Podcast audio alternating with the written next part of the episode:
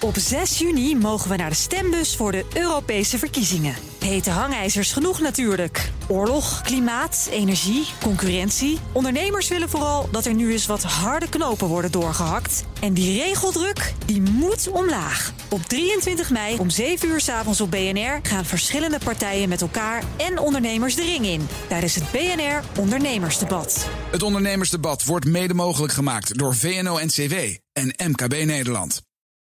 Hey Ben, jij hier? Ja, uh, Herbert, wat is er? Um, maar wat doen we in een andere podcast, joh? Ja, hoe bedoel je? We zitten toch gewoon in de technoloog? Nee, nee, nee, we zitten verkeerd. Nu we hier toch zijn. Ja, dat is een goed idee. Mensen, luister ook eens naar de technoloog. Een leuke podcast over technologie. Met lange interviews, het naadje van de kous willen we weten op bnr.nl, in de BNR-app en in al die andere podcastplatforms. Oké, okay, wegwezen nu hier. En welke kant gaan we? Um, dat is deze kant op, volgens mij.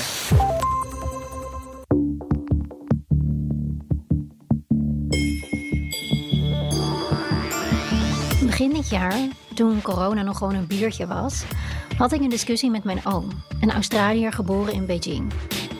Hij hield een gepassioneerd betoog over hoe gezichtsherkenning meer ingezet zou moeten worden, bijvoorbeeld tegen simpele dingen als verkeersovertredingen. En ik, Nederlands als ik ben, vroeg of hij zich niet onveilig zou voelen als hij continu in de gaten gehouden zou worden. Hij zou zich juist veiliger voelen, want hij had niks te verbergen. Ik heb ook niks te verbergen, maar toch voel ik me er ongemakkelijk bij. Ik besef me ook dat dit soort technologie juist veel kan opleveren. Juist nu, met bijvoorbeeld een corona-app.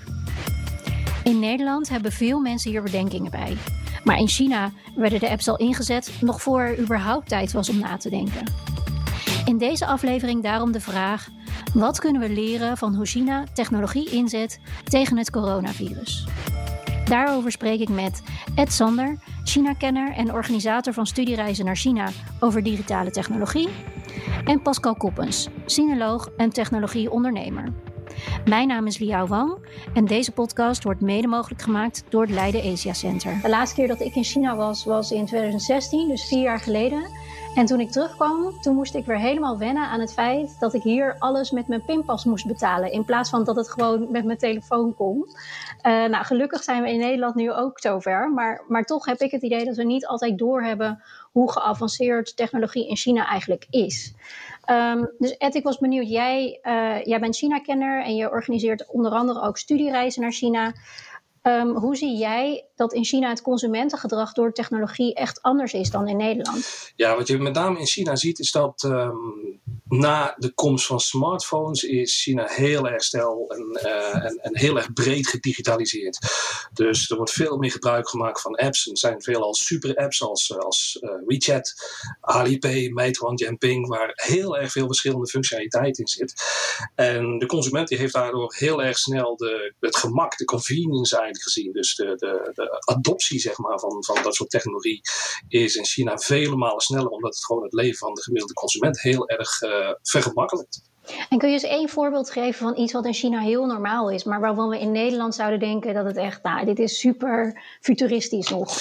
Um, gezichtsherkenning bijvoorbeeld, betalen met gezichtsherkenning, dat is een uh, bekende. Het wordt al sinds 2013 wordt er heel erg uitgebreid in China betaald met uh, QR-codes in uh, Alipay ja. en, en, WeChat Wallet. Maar de laatste jaren wordt het ook steeds normaler om simpelweg je gezicht voor een, een betaaltablet te houden. En dan wordt je gezicht gescand en dan wordt het automatisch wordt het bedrag van je Alipay of je WeChat uh, wallet te goed afgehaald. Dus je hoeft eigenlijk alleen de cashier even aan te kijken en je hebt al betaald. Ja, je kijkt eigenlijk in een tablet die, uh, die op, de, op de toonbank staat. Hey, en Pascal, jij bent sinoloog en je bent ook zelf uh, tech-ondernemer. Hè? Je hebt gewerkt in China, in Europa en, uh, en in Silicon Valley. Hoe technologisch geavanceerd vind jij bijvoorbeeld een Alibaba, wat het Amazon is van China, ten opzichte van bijvoorbeeld Amazon zelf? Wel, ik, um, ik denk een, dat Amazon eigenlijk twee à drie jaar achter staat op Alibaba. En ik denk dat dat een algemeen iets is dat de meeste technologieondernemers en uh, technologiekenners in China ook wel beamen. En dat heeft vooral te maken met het hele ecosysteem die ze gebouwd hebben. En dus uh, niet alleen uh, logistiek en, e-commerce en een aantal andere activiteiten die Amazon doet, maar heel ruim gegaan zijn. Maar vooral, ik noem eigenlijk Alibaba geen, uh, geen e-commerce bedrijf meer. Het is meer een data-analysebedrijf. Wat betekent dat ze veel meer inzichten hebben in de user journey, overal waar de klant of de gebruiker naartoe gaat, waardoor dat ze eigenlijk meer kennis hebben van de markt, meer kennis van de consument en daardoor de merken uh, beter kunnen helpen en volgens mij daardoor twee jaar voorstaan op, uh, op Amazon. Ja, dus, dus bol.com kijkt helemaal met jaloezie naar wat Alibaba allemaal kan. Ja, ik denk dat uh, bol.com nog een, een, jaar achter staat, waarschijnlijk wat dat betreft. Dus, maar ik, ik ga mij als Belg niet uitspreken over de innovatiegraad van een Nederlands bedrijf. Maar uh, ik, ik denk inderdaad dat uh, Alibaba het heeft gewoon met die inzichten te maken, die kennis die ze hebben en die diversiteit. En ik denk dat het grootste verschil tussen een, een, een bol.com en een, een Alibaba is dat je bijvoorbeeld bij Alibaba niet alleen kan dingen kopen, maar ze kunnen nu ook bijvoorbeeld een lening geven of een verzekering, of ze kunnen u helpen met carsharing en zo verder, retail, online, offline. Allemaal dingen die bol.com nu eigenlijk nog niet uh, in, in gestart is of nog niet aan denkt. Nee. En, en nu de laatste tijd horen we natuurlijk veel uh, over technologie in China in de strijd tegen corona. En dan vooral een beetje met de ondertoon van, nou, zoals het in China is, zo moeten we het in ieder geval niet willen. Dat is in ieder geval het slechte voorbeeld.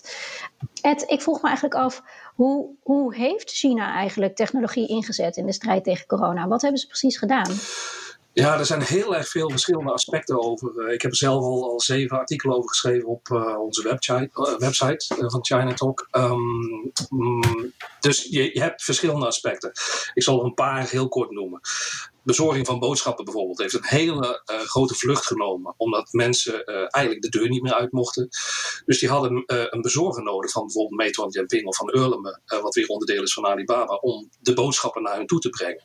Mensen die, die durfden ook niet goed naar buiten. Naar buiten. Ouderen die veelal nog niet echt gewend waren aan dat soort apps, werden ook door hun kinderen op het hart gedrukt van nou, maak nou gebruik van, van die apps, dan hoef je de deur niet uit, dan, dat is veiliger. Dus enerzijds... En was het dan echt zo dat er zelfrijdende autootjes door lege straten reden en, en met drones werd gevlogen en dat er ook geen mens meer aan te pas kwam? Of hoe geavanceerd was nee, dat? Wat, wat, je, wat je hebt gezien is zowel uh, JD.com, het grootste e-commerce, de, e de grootste e-tailer zeg maar in uh, China, en uh, Meituan Dianping, dat is een maaltijdbezorger van origine. Die hebben allebei geëxperimenteerd met uh, autonomous driving vehicles, die eigenlijk boodschappen, maar ook medische voorraden eigenlijk naar ziekenhuizen brachten en, en naar consumenten. Maar dat zijn ja, daar waren er twee van in Beijing en er waren er twee van in Wuhan. Maar dat wordt door dit soort techbedrijven ook wel aangegrepen om zichzelf weer even op de kaart te zetten. Om te laten zien hoe vooruitstrevend ja. ze zijn. Dus het, het gebeurt wel.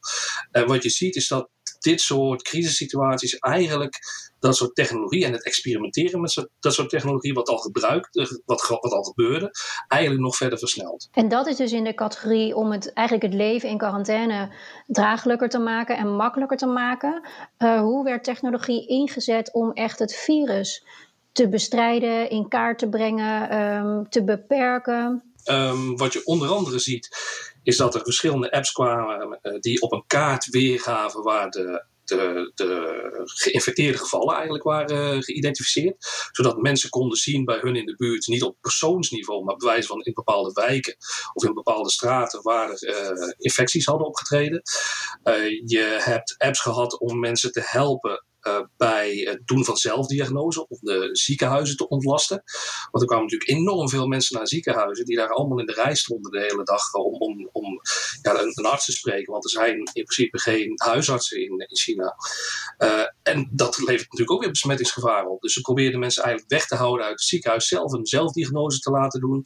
Als er dan problemen waren, dan konden ze eventueel online met een arts spreken om die ziekenhuizen een heel stuk te ontlasten. En ja, er zijn ook daarnaast verschillende apps om mensen uh, meer in de gaten te houden. Om te kijken of je mogelijk besmet was. Maar ik neem aan dat we daar uh, nog uitgebreid over gaan spreken straks. Ja, precies. Dus, dus één versie was om, om mensen eigenlijk te informeren. En in de hoop hun, hun gedrag daarin ook te veranderen. Pascal, in hoeverre heb jij het idee dat je, dat, dat ook echt hielp? Dat mensen door zo'n kaart um, bijvoorbeeld ook minder naar die gebieden gingen of uh, zelf misschien in quarantaine gingen? Nou, ik denk dat het, het, ten eerste, het, gaat, uh, het heeft volledig gelijk. Die apps, die apps heeft alles veranderd. Uh, en dat heeft voornamelijk te maken met de inzicht en de informatie die je krijgt. Als je beter weet waar je aan toe bent, of je naar, al dan niet naar een ziekenhuis moet gaan, of je al dan niet potentieel in contact gekomen bent met iemand die symptomen heeft, dan ga je al vlugger reageren Al is het maar om jezelf in zelf-quarantaine te zetten, dus je gaat vlugger beslissingen nemen. Dus het heeft enorm veel geholpen. Maar ik denk dat we de apps eigenlijk maar een deel van het verhaal zijn. Het is heel belangrijk voor de consument, maar het is de onderliggende technologie die daarachter zit, die eigenlijk alles mogelijk gemaakt heeft. En dan spreekt men over uh, artificiële intelligentie, over big data, over cloud computing, Internet of Things, 5G. Zelf DNA-onderzoek werd uh, gedaan via de eigenlijk hoogtechnologische innovaties uit China. Uh, robotica, cybersecurity, alles. Dus het is, het is heel veel, heel breed.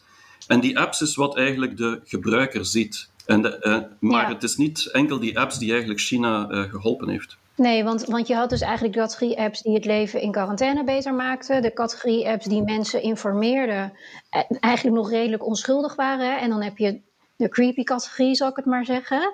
Um, als we even daar naartoe gaan, uh, en Ed, jij refereerde er net al even aan.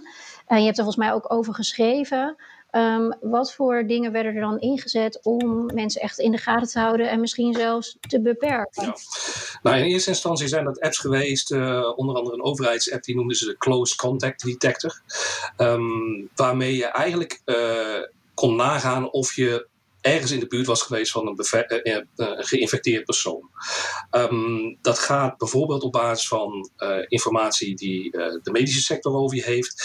En het gaat over informatie of je in een bepaalde trein hebt gezeten of in een bepaald vliegtuig hebt gezeten. Nou, in China zijn treintickets zijn ook gekoppeld. Um, je, je, hebt een eigen stoel in de trein, dus dat is automatisch gekoppeld aan jouw ID. Dus als ze weten dat er in een treinwagon iemand heeft gezeten die besmet is, dan kunnen ze ook de mensen daaromheen, in, in de rijen daarvoor en daarachter kunnen ze eventueel informeren van je bent in de buurt geweest van een besmet persoon. Dat geldt overigens niet in de bussen en in, um, in de metro, maar wel in, in de treinen, de hogesnelheidstreinen bijvoorbeeld. Dus dat is een eerste categorie geweest. Uh, wat er daarna is gekomen is uh, een aantal verschillende apps, uh, onder andere Meituan Jianping, die heeft ook een eigen app uitgebracht in Shenyang, waarbij je dus wel gevraagd werd om QR-codes in het openbaar vervoer en in taxis te scannen, om op dezelfde manier eigenlijk weer te kunnen traceren of je in de buurt bent geweest bij een besmet persoon. En dat lijkt een beetje op de doelstelling, uh, zoals we die ook zien in de, de, huidige discussie die plaatsvindt over Bluetooth-apps. Die eigenlijk traceren, maar reactief kijken: ben jij in de buurt geweest bij iemand waarvan we nu weten dat hij besmet is? Wat... Dus je moest inchecken met een QR-code in, in de taxi bijvoorbeeld, zodat, zodat men wist dat je in die taxi was geweest op dat ja, moment. Of in een bepaalde uh, wagon in, in de metro of in een bepaalde bus was geweest. Ja. En als iedereen dat doet, en in een aantal gevallen werd dat verplicht gesteld, um, onder andere dus in, in de stad Shenyang, dan, uh, dan konden mensen dus konden getraceerd worden wanneer jij op welk moment op welke plek was geweest.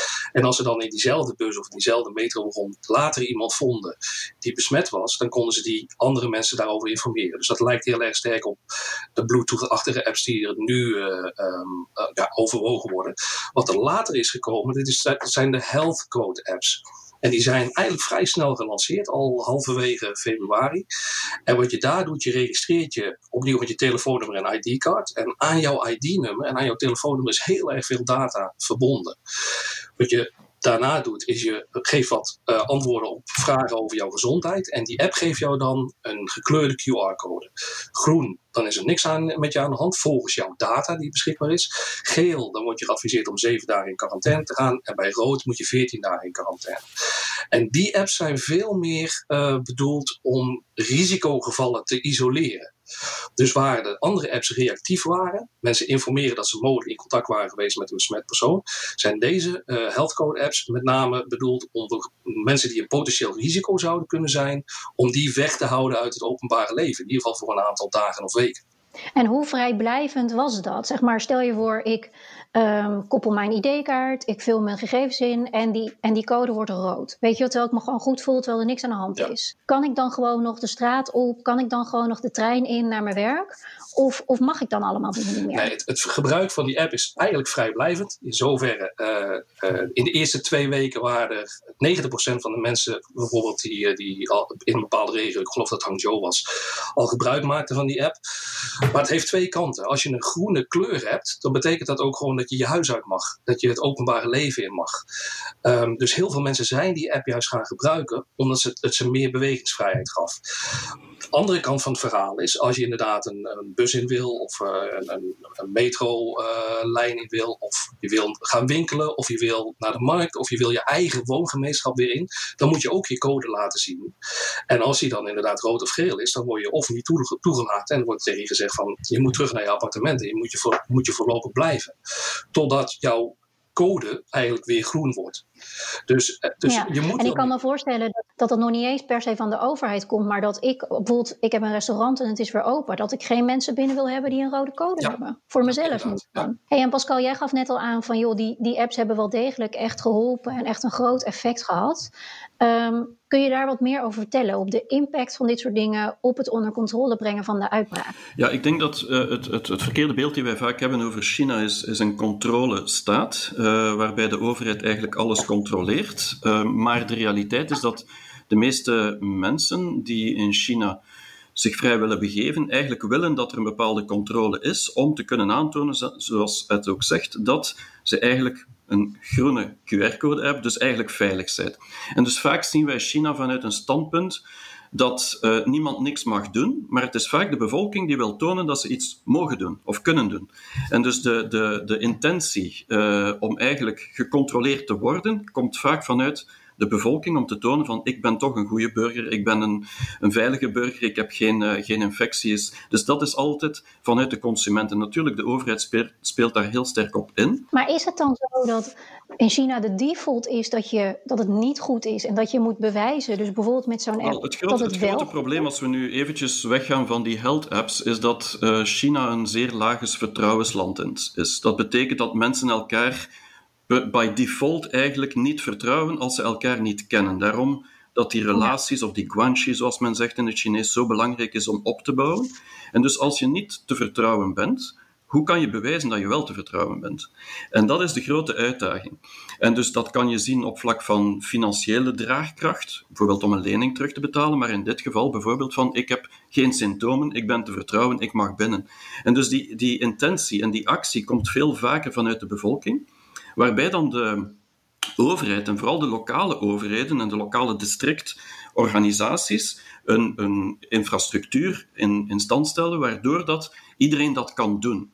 En ik denk dat we veel meer moeten kijken naar uh, China als zijnde dat aan de ingang van elke plaats staat er iemand of is er iets of is er een systeem om ervoor te zorgen dat jij eigenlijk kan aantonen dat je ofwel goed ofwel minder goed uh, bent, uh, ofwel gezond of minder gezond bent, iets in die richting. En het is die infrastructuur die wij niet hebben.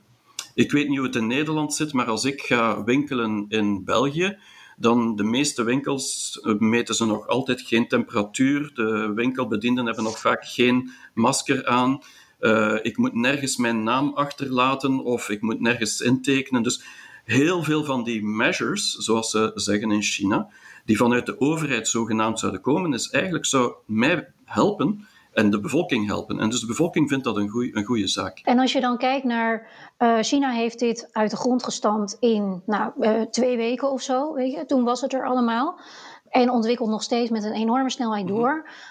Hoe bijzonder is dat? In hoeverre heeft dat te maken met het unieke karakter nou, van de cultuur van China? Wat jij net zegt, hè, dat de bevolking eigenlijk heel graag wil aantonen dat ze juist goed zijn. Met, met de staat, die bijna totale uh, macht heeft als ze dat zouden willen. Of ook met, met de staat van de technologie, waar we het net over hadden, die al zoveel verder is dan Amerika of Europa. Ja, ik, ik denk dat we daar moeten enigszins anders bekijken. Uh, het is niet gebeurd op twee weken.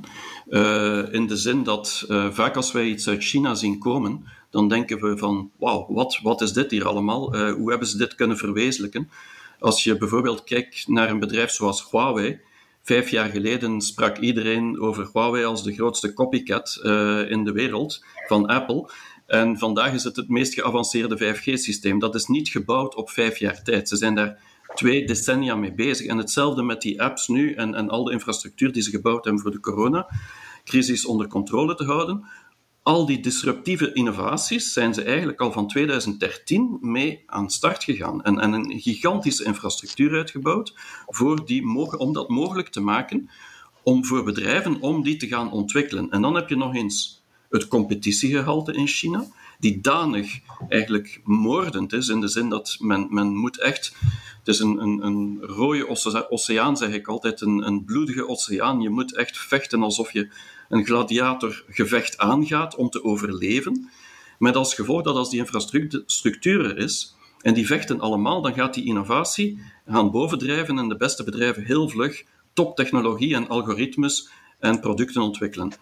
En die worden dan ingezet op het moment dat ze nodig zijn. En dat is iets wat gebeurd is met de corona-uitbreek. Ja, dus eigenlijk is het niet zo dat er heel veel nieuwe technologieën zijn ontwikkeld of heel veel echt innovaties zijn gedaan, maar meer dat bestaande innovaties zijn ingezet voor nieuwe toepassingen, als ik jou zo hoor, Pascal. Ja, maar ehm, het is wel zo dat die innovaties al, zes, al vijf, zes jaar in ontwikkeling zijn. En die blijven in ontwikkeling. Het is niet dat ze plots gewoon verder doen wat ze al hadden. Ze blijven innoveren en ze hebben al geïnnoveerd het klopt helemaal wat, eh, wat Pascal zegt. Eh, dat, uh, het lijkt soms heel erg snel te gaan, maar de infrastructuur bestaat dus al. Dus er zijn al heel veel apps. En er zijn al apps als Alipay en, en WeChat, waarin zogenaamde mini-programs gebouwd zijn. Waarbij je heel snel een app binnen een app kunt ontwikkelen en kunt lanceren. En al gebruik kunt maken van de beschikbare functionaliteit en ook beschikbare databases. vooral in, het geval van, van Alibaba. Um, wat, wat daarnaast ook nog gebeurt, um, en wat wij vaak onszelf niet beseffen. En wat ik vaak op, uh, zie als ik on the ground ben in China, in China, en dingen ga proberen, is dat als zoiets gelanceerd wordt binnen een paar weken tijd, en ook al is die infrastructuur er, dan is het vaak nog um, wat, wat uh, ze in China noemen Chabudo. En dat betekent eigenlijk dat het nog niet helemaal af is. Maar het is goed genoeg om mee aan de slag te gaan.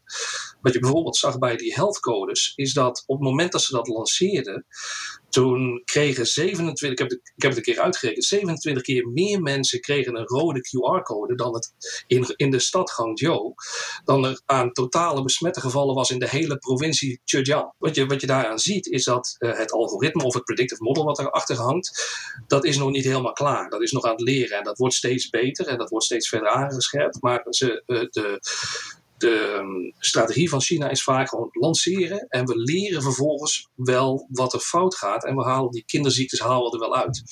Dus dat is iets wat je heel erg veel ziet in, uh, in, in technologie en ook zeker digitale technologie in China. De overheid die is over het algemeen niet, net zoals dat, dat hier het geval is in Europa, niet de grootste innovator op het gebied van technologie. Dus een overheid die, die klopt vaak aan bij een Tencent, bij een Alibaba, bij een Baidu. Van jongens, wij willen dit doen, maar we hebben zelf daar niet de kennis voor in huis. Jullie hebben die technologie, jullie zouden dat snel voor ons kunnen maken.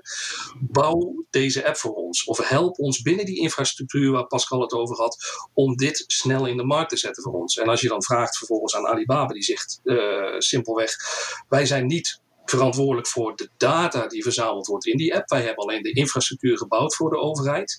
Um, dus de verantwoordelijkheid blijft bij de overheid. Maar de kennis en de kunde die wordt opgehaald bij de private internetbedrijven veelal. En wie, wie is er dan eigenaar van die data van, van al die mensen? Nou, in dit geval zou dat dus de overheid zijn. En dan kan het best zijn dat. Er is het is heel weinig bekend over hoe bijvoorbeeld zo'n health uh, QR-code, hoe die precies werkt. Welke data er exact van gebruikt wordt. Uh, er is vrij bekend dat er locatiedata gebruikt wordt. Het zou goed kunnen dat elke keer als jij jouw QR-code moet laten zien, dat jouw locatie meteen naar de database gestuurd wordt. En dat dat vervolgens weer in het, uh, in het predictive model wordt gebruikt. Er is vrij weinig bekend over. Maar Alibaba zegt dus, ondanks dat wij misschien de database beheren en het programma en de software en het platform beheren, de data die uh, is wordt beheerd door, is eigendom in ieder geval van, van de overheid. En dat is de... Dus zij trekken ook een beetje hun handen daar, daarvan af of ja. zo? Kijk, in principe is Alibaba gewoon een derde partij die de techniek levert in dit geval. Um, en ja. de, de gemiddelde Chinese burger die is heel erg gewend dat de overheid heel veel data van hen hebben. En dat uh, de overheid heel veel data van hen verzamelt. En de gemiddelde consument maakt zich eigenlijk veel meer zorgen over wat die private internetbedrijven allemaal met hun data doen. Want er zijn regelmatig data leaks en data die doorverkocht wordt. Als je een simkaart koopt, als je China binnenkomt en je stopt het in je telefoon, dan word je gebombardeerd met allerlei sms'jes van, uh, van onroerend goedbedrijven. Um, dus in de private sector is men daar heel erg kritisch over. En op het moment dat een Alibaba zegt van ja, wij hebben de techniek gebouwd, maar de overheid beheert het, dan is de gemiddelde consument daar meer gerust over dan dat ze denken dat het allemaal bij Alibaba de, de grote systemen in, in gaat en invloed gaat uitoefenen op wat ze vervolgens in Taobao en Tmall zien op de e-commerce platforms. Ja. Ja, dus er zijn wel zorgen over privacy, alleen die richten zich meer op de private bedrijven dan op de overheid. Want daar willen ze eigenlijk aan bewijzen uh, ja, dat ze een groene stempel ja, hebben. En dat is, dat is exact het tegenovergestelde als wat wij hier verwachten. Dat mensen de overheid wantrouwen. Dat gebeurt wel. En dan is het vaak de lokale overheid. Maar de centrale overheid die wordt over het algemeen door de gemiddelde Chinese burger heel erg vertrouwd. En men geeft veel liever zijn data aan de centrale overheid dan aan een privaat internetbedrijf. Pascal, ik was benieuwd in hoeverre dat gevoel van ik heb vertrouwen in de overheid, met name centrale overheid, in hoeverre is dat dan veranderd door zo'n crisis? Bijvoorbeeld door wat er is gebeurd met zo'n arts die dan plotseling is overleden. Of andere manieren hè, waarop in het begin klokkenluiders zijn aangepakt. Krijgen mensen daar dan toch een ongemakkelijk gevoel bij? Of... Ehm, het is natuurlijk, er zullen altijd mensen zijn die een ongemakkelijk gevoel krijgen omdat, ze, omdat het hen raakt. En zeker wat die arts betreft, uh, dokter Lee, um, daar heeft de censuur in China een stuk tegen hun eigen systeem gewerkt. Want de bedoeling van censuur in China is voornamelijk om eigenlijk chaos en, uh, te vermijden. En, en ze wilden eigenlijk ervoor zorgen dat iemand die iets beweerde, dat dat geverifieerd werd voordat eigenlijk dat publiek zou gaan, zeker als het gaat over een, een, een, een virus die toch wel een enorme paniek zou kunnen realiseren bij de overheid, uh, bij, bij de bevolking. En dus dat is eigenlijk iets wat de censuur gebruikt is tegen die persoon en dat heeft volledig uh, tegen de overheid gewerkt. En daar zijn heel veel mensen kwaad voor geworden. Uh, de centrale overheid heeft vooral de lokale overheid daar op het matje geroepen en daar is de schuld voornamelijk naartoe gegaan. En uh, een van de vreemde dingen van China is, ondanks het feit dat er heel veel uh, controle is en, en, en, en eigenlijk veel meer uh, eigenlijk mensen bekeken worden van de data te delen aan de overheid en voorzichtig te zijn met die data, is het wel zo dat er veel meer transparantie ook tegelijkertijd aan het komen is, omdat je anders mensen niet accountable kan maken voor hun acties. En dit is een voorbeeld van eigenlijk uh, de lokale overheden en de lokale politie die aangepakt zijn geweest. Dus het is heel complex. Dus censuur is het, uh, heeft het geholpen, ja, maar in dit geval zeker niet. Dus daarna, maar het belangrijke voor mij is ook dat zij heel vlug actie genomen hebben achteraf. En ik denk dat dus de actie die genomen is daarna, uh, is, is eigenlijk waar we vooral moeten naar kijken.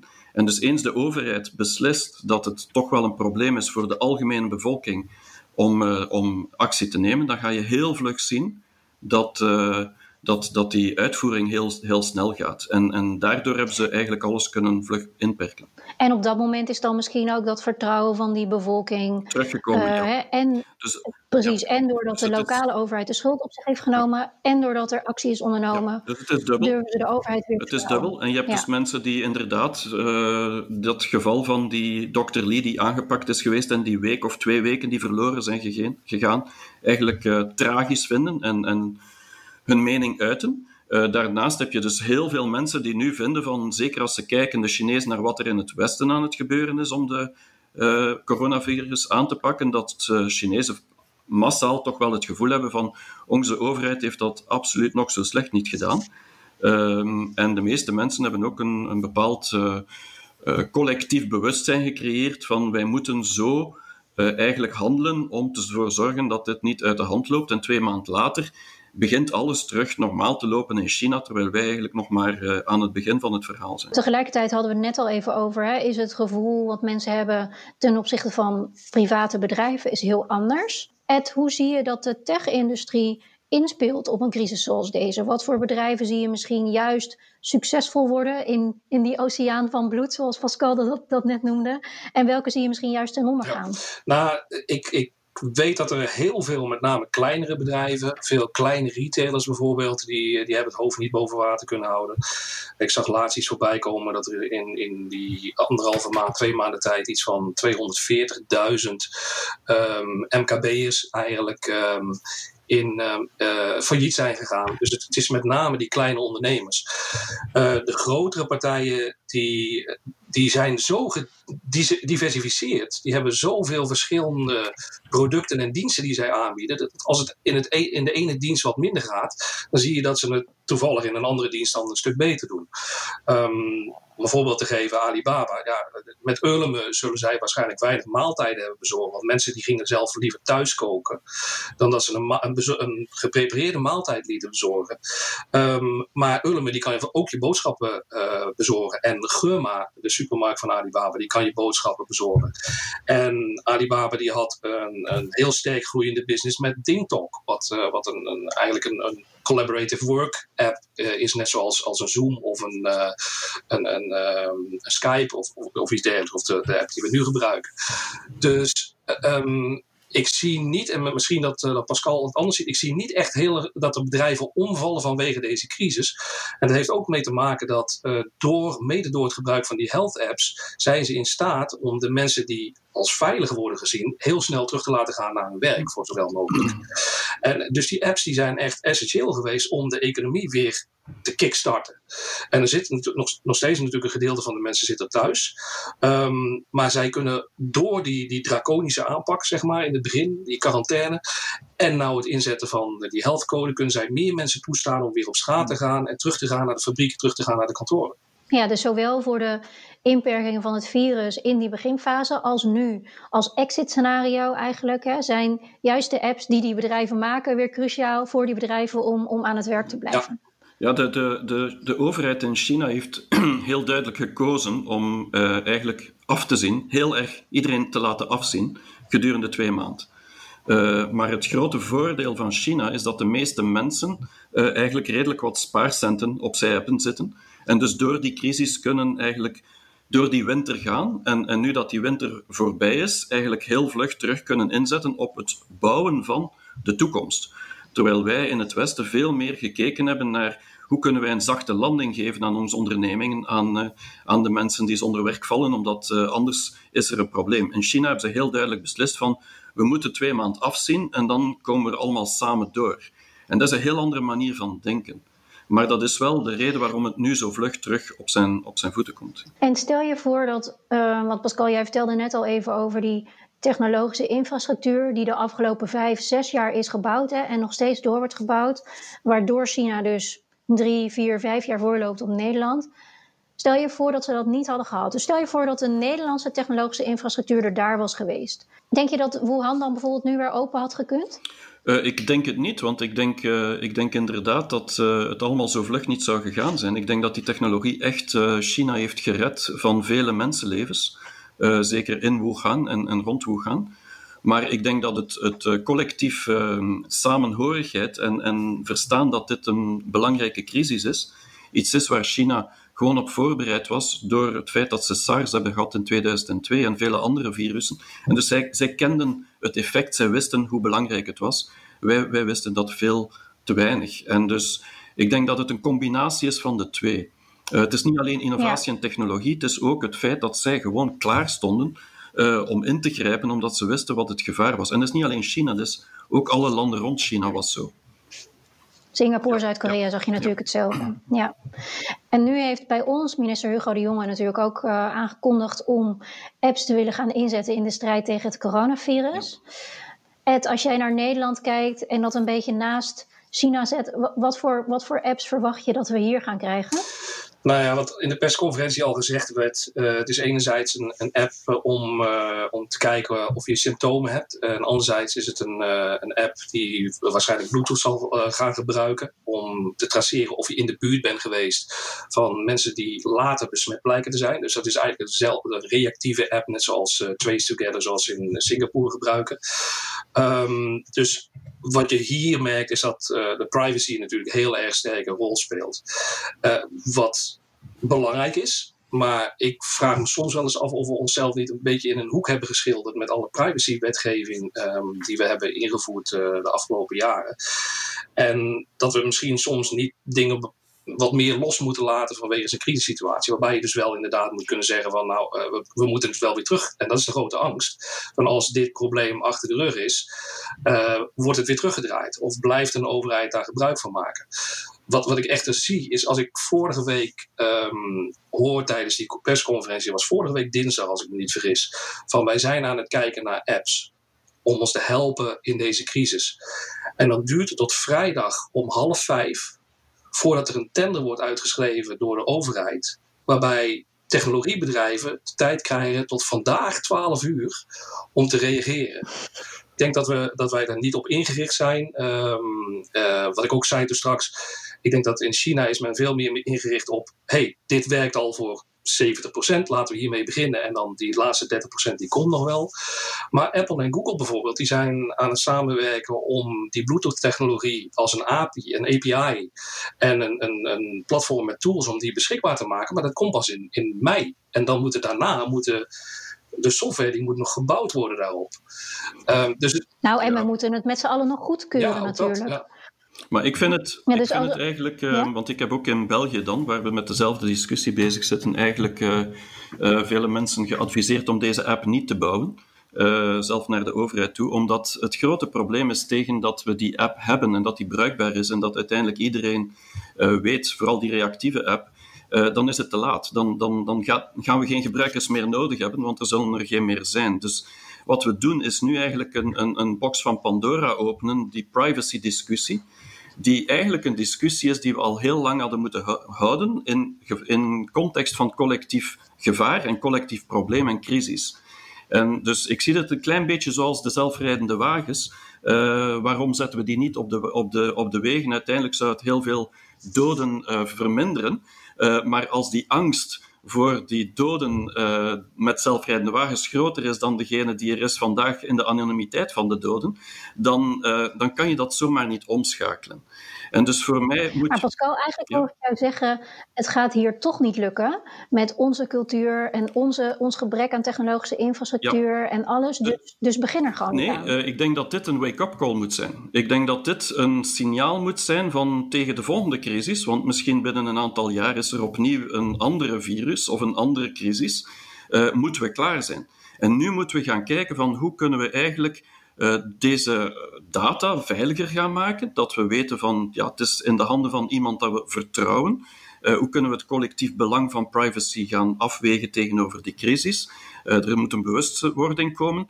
En, en, en dat is allemaal nog niet klaar. En dus ik denk dat we beter onze tijd steken nu om dit, deze informatie te gebruiken als een leerschool, om te zeggen tegen de volgende crisis zijn we klaar, dan nu vlug een app in elkaar te bouwen en uiteindelijk de bevolking nog meer angst te gaan geven dan ze al nu heeft. En ik denk dat dat een zeer slecht ja. uh, idee is. Voor de huidige situatie zeg jij, gaan we het toch niet redden om daar nog ja, we, goed we creëren extra angst. Omdat we nu niet alleen de angst van het virus, maar ook nog de angst van de privacy erbovenop halen. En, en stel je voor dat we dat zouden doen. Hè? Dat we zouden zeggen, oké, het gaat niet, het hoeft niet uh, in mei klaar te zijn, zodat het als exit scenario gebruikt kan worden.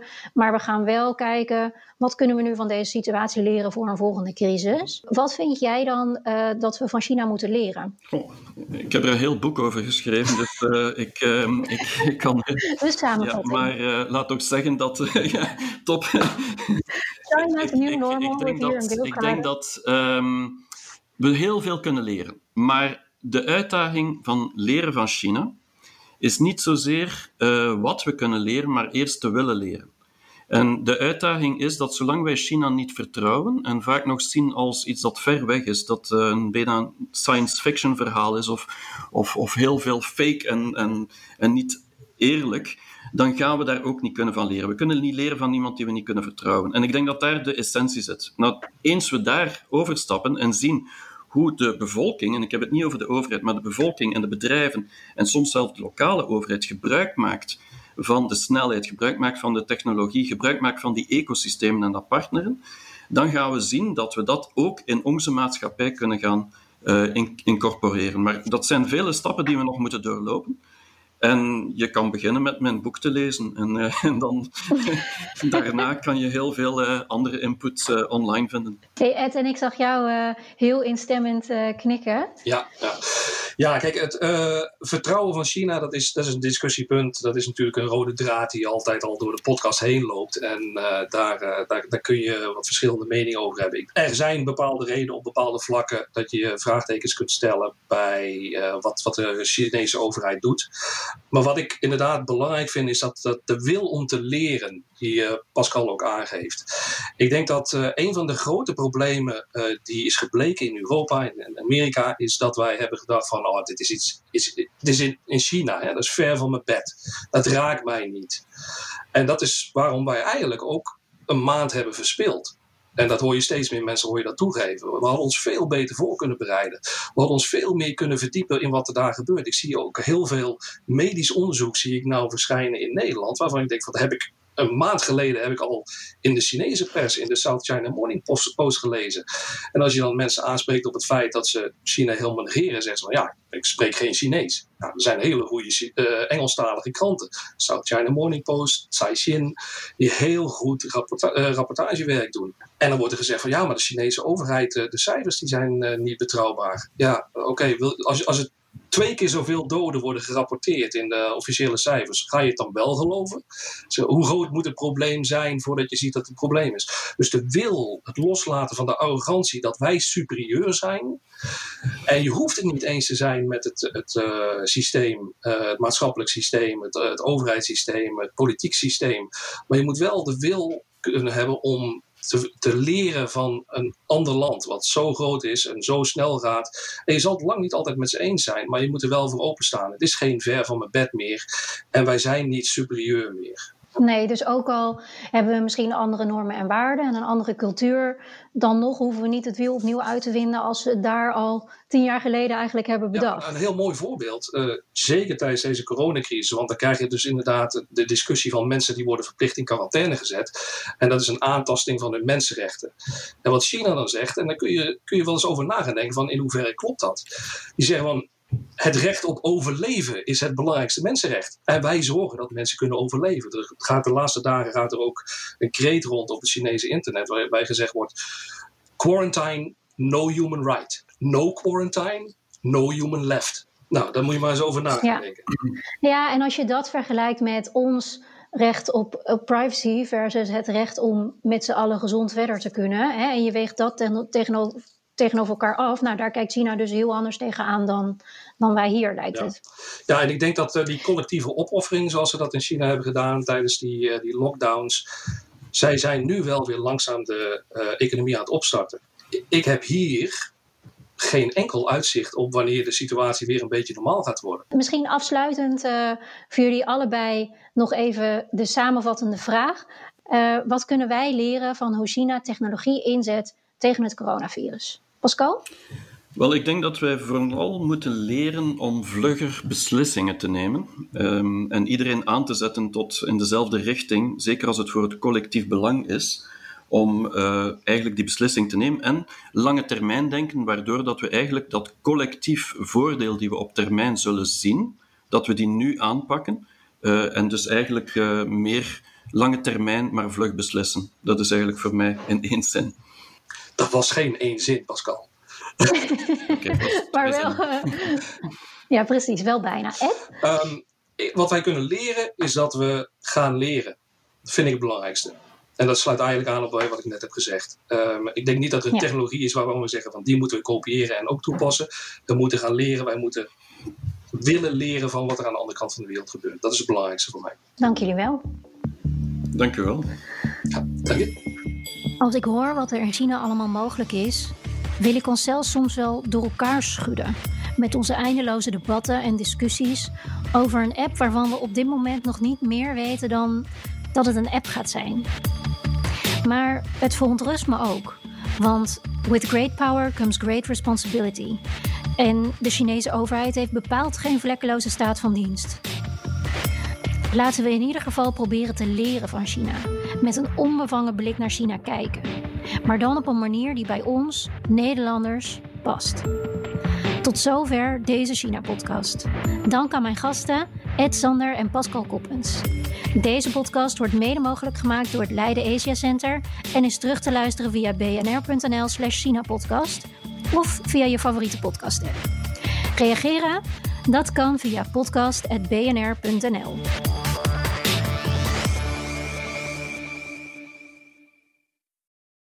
Op 6 juni mogen we naar de stembus voor de Europese verkiezingen. Hete hangijzers genoeg natuurlijk. Oorlog, klimaat, energie, concurrentie. Ondernemers willen vooral dat er nu eens wat harde knopen worden doorgehakt. En die regeldruk, die moet omlaag. Op 23 mei om 7 uur s avonds op BNR gaan verschillende partijen met elkaar en ondernemers de ring in. Tijdens het BNR Ondernemersdebat. Het ondernemersdebat wordt mede mogelijk gemaakt door VNO-NCW en MKB Nederland.